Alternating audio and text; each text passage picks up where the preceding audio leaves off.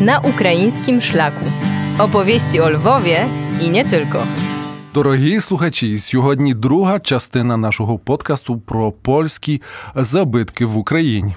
Cześć Wojtku, słuchaj, no ty tak naprawdę masz niezły akcent lwowski albo podelwowski, tak gdzieś z Bruchowic. Z, brz z Brzuchowic, tak. a mi we Lwowie mówili, że kanadyjski akcent. A, no być może i kanadyjski też, e, nie wiem jaki ja mam akcent e, po, polskiego, e, ciekaw jestem. Zawsze, gdy z tobą rozmawiałem, miałem wrażenie, że rozmawiam chyba z obcokrajowcem, ale nie potrafiłem mm, wskazać miejsce, z którego byś był. To znaczy, gdybym nie wiedział, że jesteś z Ukrainy, to tego mm, nie słyszałem. No to dlatego na pewno, że słucham codziennie Radia Wnet i wiem już, jak poprawnie mówić po polsku. O czym dzisiaj gadamy? Ja myślę, że e, dzisiaj będziemy gadać o o Horodence? Tak, prawda. O Horodence, o miasteczku, które znajduje się niedaleko od Dniestru w mm, regionie, który nazywa się Pokucie. Pokucie w dzisiejszym obwodzie ukraińskim, który nazywa się Iwano-Frankiwska Oblast, czyli obwód były, no nie obwód, a mm, województwo tak stanisławowskie między międzywojenne, gdzie mieszkał i tworzył Vincent na przykład. Ta Horodenka jest naprawdę bardzo piękną, położonym miasteczkiem w takiej też dolinie na wzgórzach i ma ciekawe zabytki, mianowicie jeden klasztor.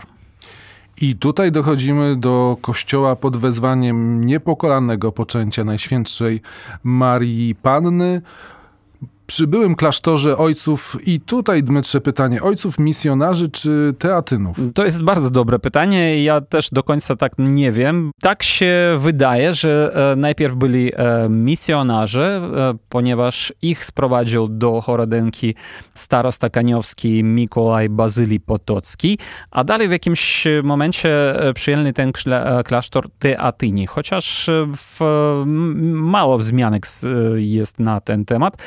I co ważne, e, że ten e, kościół i przy nim e, też klasztor tych ojców misjonarzy został budowany od 1743 roku, a skończony i konsekrowany w całości, cały zespół w, w 1760 roku, a już za 24 lata po tym nastąpiła kasata józefińska, czyli e, kiedy już e, ta część e, ziem Rzeczypospolitej trafiła pod zabór austriacki, więc po prostu Austriacy skasowali ten klasztor i zrobili, oddali klasztor pod urzędy miejskie i pod szpital, a ten kościół pozostał po prostu parafialnym. Skoro rozmawiamy o tym miejscu, to warto wspomnieć, że starosta kaniowski Mikołaj Bazyli Potocki ufundował również sobór w Poczajowie zaśnięcia Najświętszej Marii Panny, czyli on się nazywa Uspeńskiej po ukraińsku, tak. E, I, I ten starosta był bardzo, bardzo barwną osobą, osobistością.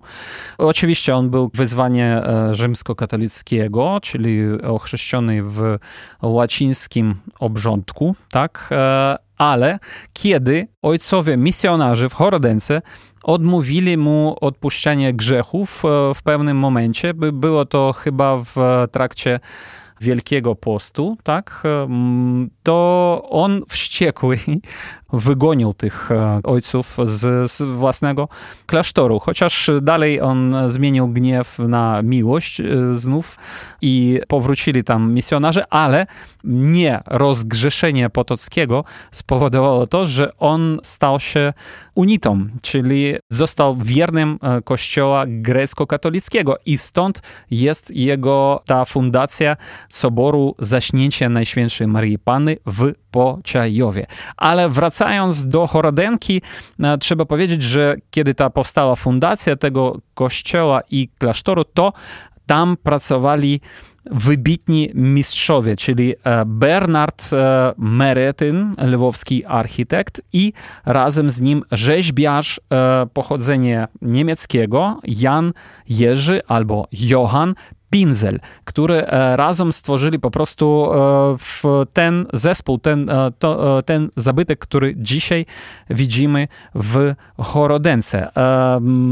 Ciekawe, że ten zespół ich stworzył monumentalne rzeźby, na przykład w głównym ołtarze i w bocznych ołtarzach w Chorodence, a Pinzel też stworzył, Pinzel i jego uczniowie ornamentowaną ambonę.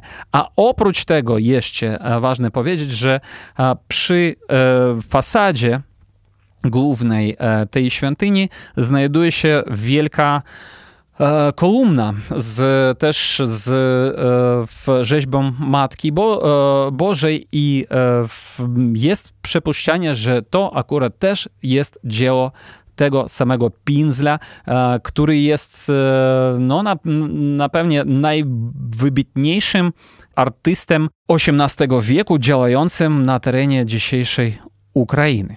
I e, jeszcze dodam, że dzieła tego Pinzla, bo Bernard Merytyn to był architekt, a Pinzel rzeźbiarzem był, to oni trafili w większości do Lwowa, chociaż duża część ich była zniszczona, spalona niestety na miejscu w e, Chorodence. E, teraz e, te rzeźby Pinzla stanowią wielką część Muzeum Pinzla w Lwowie, w byłym klasztorze sióstr Klarysek na, na Mytniej Plości naprzeciwko Bernardynom. Także zapraszam zobaczyć te e, rzeźby w tym muzeum. Ale warto też dodać, że ta świątynia jest e, teraz e, pod opiekiem konserwatorów z też Polski, w tym Instytut Polonika zajmuje się konserwacją tej świątyni. No i na sam koniec też powiem fajną rzecz, że ten kościół w 1991 roku, po tym jak e, na terenie e, tego klasztoru i kościołu e, w czasach sowieckich były koszary i zakład włókienniczy, to w 1991 roku kościół został przekazany wiernym grecko-katolickiego kościoła. No i tam teraz przy wejściu jest e, tablica pamiątkowa dla e, Mikołaja Bazylego e, Potockiego, starosty kaniowskiego, która jest zarówno w językach ukraińskim i polskim. Dmytrze, ja jako etnolog zapytam ciebie, użyłeś słowa pokucie, chociaż dyplom chyba dostałem przez litość. Niektórzy utożsamiają pokucie z huculszczyzną. To chyba nie do końca tak. To nie do końca tak, bo Huculszczyzna to już raczej, moim zdaniem, to już raczej w Żabie, czyli Werchowyna, o której pisał wspomniany Vincent, a Pokucie to, w, to akurat Chorodenka i mm, ja powiedziałbym, że to jest e, Kolomyja. A czy wiesz, bo w języku ukraińskim jagody to jest e, czornecia, prawda? Tak. A jak na Pokuciu mówią na jagody? I łochyny. Albo Afiny. Tak, Afiny. Tak. Afiny, a ja to znam słowo, bo ja się z nim spotkałem e, w Rumunii. Tam Afiny to też są jagody i nawet e, na południowej Bukowinie jest taki trunek, czyli rumuńskiej, z którego słynie ten region, który nazywa się Afinata i wiadomo z jakich owoców był zrobiony. Tak, tylko tam na Pokuciu tak poprawnie mówić Afiny. Afiny, taki akcent. Drodzy słuchacze, to jest drugi odcinek podcastu, który ma przybliżyć polskie zabytki na Ukrainie. Trwa wojna, rosyjska agresja, aktywna faza tej agresji. Nie znamy dnia ani minuty, kiedy jakiś kolejny zabytek może być zniszczony, a wiemy, że takie już były. Po to powstał ten podcast, który dla Państwa prowadził Wojciech Jankowski, a opowiadał bardzo ciekawie Dmytro Antoniuk. Mm, zapraszamy do słuchania następnego. A czy wiesz, co będzie w następnym? A w następnym odcinku będziemy e, rozmawiali o Jazłowcu, który znajduje się na zachodnim Podolu.